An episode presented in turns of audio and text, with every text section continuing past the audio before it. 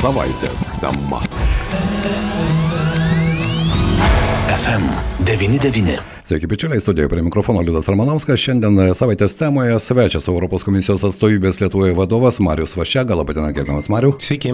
Nežinau, su kokia nuotaika pabudote jūs, bet kiekvieną rytą ir kiekvieną dieną, ko gero, mes pabundame su skirtingomis nuotaikomis, laukdami dar vieno įvykio, dar vienos krizės, be jokios abejonės per pastaruosius metus mes turėjome daug, nuo pandemijos iki migrantų krizės Baltarusijos pasienyje, Rusijos karas Ukrainoje, kilančios elektros kainos. Vienu žodžiu, problemų ratas labai didelis. Ar mes sugebame su tuo dorotis. Kaip jums atrodo, esate Europos komisijos atstovybės vadovas Lietuvoje, Europos komisija tas įrankis, kuris ko gero galėtų konsoliduoti, ar ne, ir tiek visą Sąjungą, juk mes esame irgi europiečiai. Kaip jums atrodo? Aš manau, kad e, krizių laikotarpiais kaip niekada gera pasijusti, jog esi e, na, tokios didelės bendrijos dalimi 27 valstybių narių. E, bendrijos dalimi, e, nes 27 į tokias krizės reaguoti yra lengviau, mes galime reaguoti stipriau ir, ir visi jaustis saugiau. E, tiesą pasakius, jūs paminėjote iš ties daug krizių vienoje vietoje, bet pasižiūrėkime šiek tiek atgal, kad pastarosius 12 metų Europoje gyvename vienokioje ir kitokioje krizėje, pradedant finansinę krizę kalbant migracijos krizė, euro buvo zonos krizė, na ir įvairiausių kitų dalykų. Covidas, po Covid buvo ekonominė tam tikra duobė, iš kurios sėkmingai išlipome. Ir ką mes galime pamatyti, kad per šiuos 12-13 metų iš ties visi kartu išmokome veikti geriau, išmokome veikti greičiau, visi 27, visa Europos Sąjunga. Jeigu 2008 metais mums tikrai užtruko keletą metų, kol atradome išėjimą iš finansų krizės, tai 2020 mums užtruko jau tik keturis mėnesius atrasti bendrą atsaką į ekonominę krizę ir 2022 metais prasidėjus Rusijos karui Ukrainoje, e, mums užtruko keturias dienas pateikti pirmąjį stiprų sankcijų paketą Rusijai. Kalbant apie karą Ukrainoje, be jokios abejonės, Rusijos invazija ir štai jau devintą mėnesį mes gyvename su tom kiekvienos dienos, kiekvieno ryto žiniomis apie žūstančius žmonės, bet kalbant apie ES atsaką, vieni sako, jog tai per lietai. Aštuntas sankcijų paketas jau priimtas spalio mėnesio pradžioje, na, kai kas sako, jog sankcijas sugebame apeiti, čia kalbame kalba rytų kaimynas ir sankcijų poveikis nėra toks didelis. Štai dabar aštuntasis sankcijų paketas, ko gero Rusija yra vienintelė, kuri turi tiek jau ten tūkstančiai skaičiuojama tų sankcijų. Jūsų nuomonė, kokia to paskutinio paketo esmė, nes ten irgi diskusijų buvo pačių įvairiausių ir suderinti pozicijas nėra taip lengva. Aš manau, kad ką mums reikėtų prisiminti šiuo atveju, kad tai yra jau aštuntas sankcijų paketas. Ir pasižiūrėti į viską sistemiškai, ne vien tik tai, kas šiame pakete, nors jis, jis labai stiprus ir aš jums pasakysiu, kokie ten jo pagrindiniai aspektai, bet pirmiausia prisiminkime, kad tai jau yra aštuntas sankcijų paketas. E, tai yra sankcijų rinkinys, kokio Europa dar niekada niekieno atžvilgių nebuvo nei taikiusi, nei pritaikiusi, nei, nei net galvojusi, kad e, tokio gali prireikti ir, ir, ir, ir galbūt net ne visada žinojame, kad būsime pajėgus tokį priimti. Ir vis tik tai pajėgiame ir, ir, ir tai padarome. E, sąrašas žmonių ir juridinių asmenų, kurie, tarkime, yra sankcionuojami Rusijos įvairiausių subjektų, yra 1350 su viršum. Vien tai yra didelis. Mes prisiminkime stipri, stiprius pirmosius paketus, kai buvo apriboti Rusijos centrinio rezervo na, finansiniai pajėgumai. Aviacijos sustabdymą ar ne, pasodinimą ant žemės lėktuvų visų prisiminkime bankų sviftus, na ir prisiminkime anglies ir, ir naftos embargus. E, ir kai mes kalbame apie poveikį apie poveikį Rusijos ekonomikai, e, tai turime suprasti, kad tas poveikis jis atsirado ir atsiranda palaipsniui. E, štai naftos embargas įsigalios gruodžio 5 dieną. E, šalia to naftos embargo 8-ame sankcijų pakete mes taip pat susitarėme dėl galimybių nustatyti viršutinę kainos ribą naftai, kuri yra eksportuojama į trečiasias šalis. Tai čia yra dar vienas didelis apribojimas, nes nafta yra vienas iš pagrindinių Kremliaus finansavimo šaltinių šaltinių, kurios taip pat prisideda ir labai stipriai prie karo finansavimo. Tai jeigu mes norime mes norime ką padaryti, tai sustabdyti karą, tai šiuo atveju aštuntajame sankcijų pakete mes taip pat turime labai stiprius dalykus. Dar vienas svarbus dalykas, kurį mes darome su kiekvienu sankcijų paketu, tai e, apribojimas e, importo iš Rusijos, tam tikrų prekių, e, kurias mes galime pakeisti kitomis ir, ir tokiu būdu irgi ribojimas e, Kremliaus karo mašinas. Na ir dar labai svarbus aspektas, kurį mes nuolatos turime, tai yra eksporto į Rusiją ribojimas, technologijų eksporto ribojimas. Ir visa tai e, pakete veikia, pradeda veikti. Ir, na, turbūt mes galime pasakyti, kad tikrai jau veikia tiek, kiek mes norime, kai karas sustos. Deja, to neįvyksta, bet susidurime su tokiu agresyviu režimu ir mes privalome atsakyti ir toliau atsakysime. Beje, kalbant apie sankcijų poveikį, na, ko gero visi ir analitikai, ir ekspertai sako, jog sankcijų poveikis negali būti vienadienis, šiandien prieimėme, rytoj jis jau pradeda veikti ir duoda rezultatų, vis dėlto tai ilgalaikis ir ko gero Rusijos ekonomikos stagnacija, visa tai laukia jų dar. Bet kalbant apie pačių sankcijų paketų prieimimą, ar ne, mes prisimename pavasario diskusijas, jos buvo įvairiausiose lygmenyse, kad per lietai, per lietai Europa reaguoja. Vis jūsų nuomonė, ar tie sprendimai, kurie jau, jau aštuntą paketą prieėmė, nebejoju, kad bus galbūt dar devintas, nors norėtųsi, kad karas baigtųsi ir nereikėtų dar vieno sankcijų paketo. Vis dėlto jūsų nuomonė, ar e, sprendimų prieimimo greitis, aš suprantu, kad suderinti 27 pozicijas yra gana sudėtinga, bet kaip jūs galėtumėte vertinti tą greitį ir tą rezultatą, susitarimo rezultatą? Pirmasis e, sankcijų paketas buvo priimtas per keturias dienas. Jis buvo be galo stiprus, e, iš tikrųjų nustebinęs e, nebejotinai Rusiją, Kremlių. E, jis buvo vieningas ir, ir nuo to laiko mes na, tęsėme ir priiminėjame sprendimus.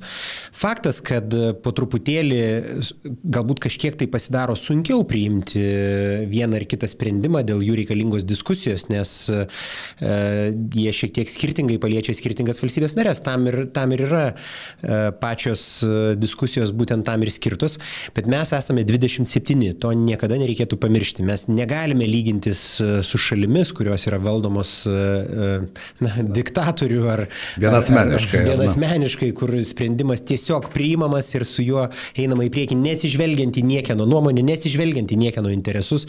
Mes esame 27 demokratijos ir, ir, ir visuomet stengiamės įsiklausyti ir išgirsti vieną kitą ir pasižiūrėti, kokie, kągi kitos šalys galvoja ar ne, kas, kas joms yra svarbu. Ir šiame procese mes visuomet sugebėdavom priimti vieningus sprendimus. Kartais galbūt taip žiūrint iš šono, na, per daug dėmesį kreipiant į patį procesą ar ne ir mastant, oi, kiek čia mes užtrukome ir taip toliau, uh, juk rezultate mes priėmėme tai ir tai yra svarbiausia. Beje, kalbant apie prieimimo rezultatą, ar netrodo jums, kad štai Bulgarija, Vengrija ar ne pastaruoju metu jų nuomonės kardinaliai skiriasi, kiek tai trukdo komisijai priimti tuos konkrečius jau įrankius arba sprendimus, kurie duotų rezultatą? Kaip jums atrodo, ar tai yra problema, jį didėja ar ne? Na, komisija visuomet e, yra ta, ta institucija, kuri inicijuoja e, na, bet kokį pasiūlymą ir šiuo atveju pasiūlymą dėl naujo sankcijų paketo. Tai komisija jį teikia ir tuomet e, valstybės narės taryboje juos svarsto. Iki šiol visuomet pavykdavo atrasti vieningus sprendimus. Aš, aš manau, kad ir, ir toliau juos pavyks atrasti. Energetinė krizė, nors pastaruoju metu spalio mėnesį elektros kainos liktai pradėjo žemėti, čia atsirado daugiau optimizmo ir gyventojams, ir verslui. Vis dėlto ES įrankiai, kuriuos ji naudoja energetiniai kriziai suvaldyti. Jūsų nuomonė, ar visi tie įrankiai išnaudoti, pasiūlymų yra pačių įvairiausių, ministrai ir vakar diskutavo ir tarėsi, o kaip, kokia Europos komisijos nuomonė? Kai mes kalbame apie energetinį krizę, mums reikia e, suprasti, kad mes jau esame tikrai ne pirmajame jos etape ir iki šiol buvusius etapus mums pavyko gana sėkmingai e, suvaldyti. E, kas tie ankstesni etapai? Tai visų pirma, nuo vasario 24 dienos pirmasis e, ir toks, na, galbūt didžiausia grėsmė, su kuria mes tengiamės susidoroti, tai buvo apskritai tiekimo saugumas, e, energetikos išteklių tiekimo saugumas. Tai reiškia, ar, ar neatsitiks taip, kad staiga mes apskritai neteksime didžiosios dalies e, tų energetinių išteklių, dujų, naftos, e, kurias mums tiekdavo Rusija ir ar mes turėsime kuo tai pakeisti. Tai darbas būtent vyko tą kryptimį ir mums pavyko labai gerai diferencijuoti ir, ir pereiti prie kitų tiekėjų. Šiai dienai Didžiausias tiekėjas yra Norvegija. Taip pat turime Junktinės Amerikos valstijas, kitus tiekėjus. E, Kaip dar mes galėjome pasiruošti ir mes matėme, kad dar galime pasiruošti užpildydami savo saugyklas, dujų saugyklas. Ir šiai dienai mes turime 93 procentus e, saugyklų užpildymą. Šią žiemą tikrai esame labai neblogai pasiruošę. Dabar periname į, į kitą etapą ir kitas etapas yra susijęs su energijos kainomis. Ką reikia suvokti, kad energijos kainos, elektros energijos kainos, jos e, yra susijusios su dujų kaina, o, o dujų kaina e, yra, na, na, ji priklauso taip pat ir, ir, ir, ir nuo Rusijos e, manipulacijų ir, ir nuo tokio šantažo dujomis. Tai... Nors, e, gerbiamas Mariu, dujų iš Rusijos kiekis nuo 40 procentų sumažėjo, niekas to netikėjo iki 7,5 procentų, jeigu neklystų dabar spalio mėnesį. Absoliučiai, taip, taip, jis labai stipriai sumažėjo, bet bet kokiu atveju pats šis persiorientavimas, jis, jis veikia pasaulinės kainas ir, ir tos pasaulinės kainos e, mes jas taip pat mokame, nors ir sugebėjome persiorientuoti, bet mes mokame pasaulinės kainas. Ir, ir čia dabar štai ieškome e, sprendimų ir jau beje nemažai jų radome susijusių su e, energijos, e, elektros energijos kainų sumažinimu. Visų pirma, stengdamiesi sumažinti dujų kainą. Jeigu pasižiūrėtumėme į, į, į, į dujų kainą šiai dienai, ji jau yra stipriai sumažėjusi nuo rūpiučio mėnesio. E, mes esame jau susitarę dėl tokių sprendimų kaip e, papildomų viršpelnių apmokestinimas, jų panaudojimas e, kompensacijoms gyventojams, verslams. Mes esame susitarę dėl tokių dalykų kaip elektros energijos suvartojimo pikiniais laikotarpiais sumažinimas. Na, o dabar komisija yra padėjusi pasiūlymą dėl dujų kainų lubų. Bet čia mes mes jau įlendame į labai tokius e, gan techninius dalykus, Taip. nes tos lubos gali būti įvairiausios ir, ir, ir, ir gal čia va, šioje vietoje vis dar vyksta diskusija, nors principinis e, sutarimas yra, yra aiškus. Taip, taip. Na, tikėkime, sulauksime konkrečių rezultatų, kad jie būtų suprantami ir kiekvienam gyventojui. Beje, kalbant apie energetinį saugumą, mes negalime pabėgti nuo tos temos, kurią ypatingai pajutome šiais metais e, nuo vasario 24 dienos, tai yra bendras Europos saugumas. Tai yra aktualu. Mes matome visuomenės susitelkimą, mes matome visuomenės pilietiškumą pilietiškumą padedant pabėgėliams iš Ukrainos, bet vis dėlto pačios ES saugumas. Mes neturime tiek kariuomenės, ES neturi tokio darinio, mes ten turim greito reagavimo kažkokį padalinį. Kaip jums atrodo, ar visa tai yra NATO skėčio klausimas, ar mes galime būti ramus, ar vis dėlto štai pastarųjų metų įvykiai jie priverčia ir pačią ES galvoti tą kryptimį? Na, NATO visada yra didžiausias mūsų saugumo dėmuo ir, ir, ir mes dėl to esame suinteresuoti, kad jis būtų stiprus, kad jis išliktų stiprus ir mes esame suinteresuoti, kad jis būtų stiprinamas ir toliau. Stiprinamas ir toliau, e, tai reiškia, kad taip pat ir tų valstybių, kurios joje dalyvauja e, kariuomenės, jų kariniai e, pajėgumai turi būti stiprus. Ir tam, kad jie būtų stiprus, turbūt, kad galime imtis žingsnių ir ES mastu. Ir, ir, ir dar pavasarį esame pateikę pasiūlymus, dėl to esame įsivertinę, tarp kitko, kiek ir, ir, ir kokiegi yra gynybos tos vadinamosios spragos Europoje, į ką mums reikėtų labiausiai orientuotis. Esame nusimatę, jog turime orientuotis į e, senesnės technikos, galbūt sovietinės, kai, kai kuriais atvejais technikos pakeitimą naujesnę, į oro gynybos sistemas, e, panašius dalykus. Esame nusimatę priemonės, kaip galėtumėme paskatinti e, tarp valstybių, Europos valstybių bendradarbiavimą šioje srityje, atlikdami bendrus pirkimus ir, ir čia yra prisidėjimas e, taip pat tokiu atveju būtų ir iš ES biudžeto.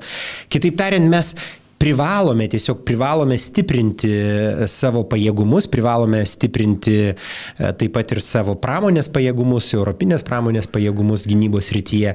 E, nes tai taip pat sustiprina ir NATO. Taip, be jokios abejonės, kalbant apie gynybinę pramonę, čia irgi atsiveria, mano nuomonė, tam tikros perspektyvos, ar ne, ir Lietuva irgi tame procese galėtų dalyvauti, jo labai galėtų dalyvauti ir Ukrainos atstatymo darbuose. Štai ir vakar, ir ES, ir G7, ir G20 vadovai jau kalbėjo apie taip vadinamą maršalo planą, specialų planą Ukrainoje. Nuostoliai 350 milijardų jau dabar. Jūsų nuomonė vis dėlto, ar ta pagalba, kurią Europą tiekia, ginklų mes neturime tiek daug, ką turėjome, tą atidavėme tiek Lietuva, tiek Latvija, beje, Baltijos šalis, ko gero, čia pirmauja, jeigu skaičiuoti vienam e, gyventojui tiekiamą paramą, karinę paramą, o pati ES, ką jį gali šiuo metu, aš suprantu, kiekviena atskira iš šalis taip, bet pati ES. ES e, nuolatos remia ir padeda Ukrainai šiuo sunkiu laikotarpiu ir beje netgi iki jo e, Europin, e, e, Ukrainos europinis kelias jau prasidėjo iki tol, kol mes jai suteikėme kandidatį statusą, nes Ukraina buvo vienintelė šalis, kuri turėjo, na, tokią reformų grupę pačioje Europos komisijoje, kuri diena iš dienos padėjo Ukrainai eiti europiniu keliu.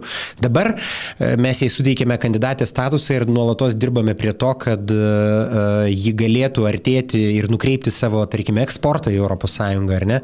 ES yra visiškai nuėmusi bet kokius muitus, apribojimus iš Ukrainos ateinančioms gaminamoms prekiams.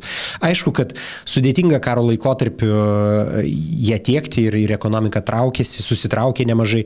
Kita vertus, ji taip pat rodo pakankamai didelį atsparumą bent jau iki, iki pastarųjų e, papildomų smūgių iš Rusijos, kuriais greunama infrastruktūra ir tiesiog, na, komisijos pirmininkė tai pavadino karo nusikaltimais, ar ne, tai kas yra, kas yra vykdoma akivaizdžiais karo nusikaltimais. E, tai tas, aišku, dar sustiprins ekonomiką, bet šiaip jau Ukraina kaip šalis, kaip tauta rodo didžiulį atsparumą ir, ir dėl to mes va, turime jai padėti taip pat ir eksportuoti. Mes jai padedame ir, ir teikiame tokią vadinamąją makrofinansinę pagalba, kuri susijusi su, su tuo, kad e, Ukraina e, na, turi e, nepakankamai lėšų, taip pat ir kad valstybė galėtų funkcionuoti, tai čia jį remiasi labai stipriai ir europinė parama.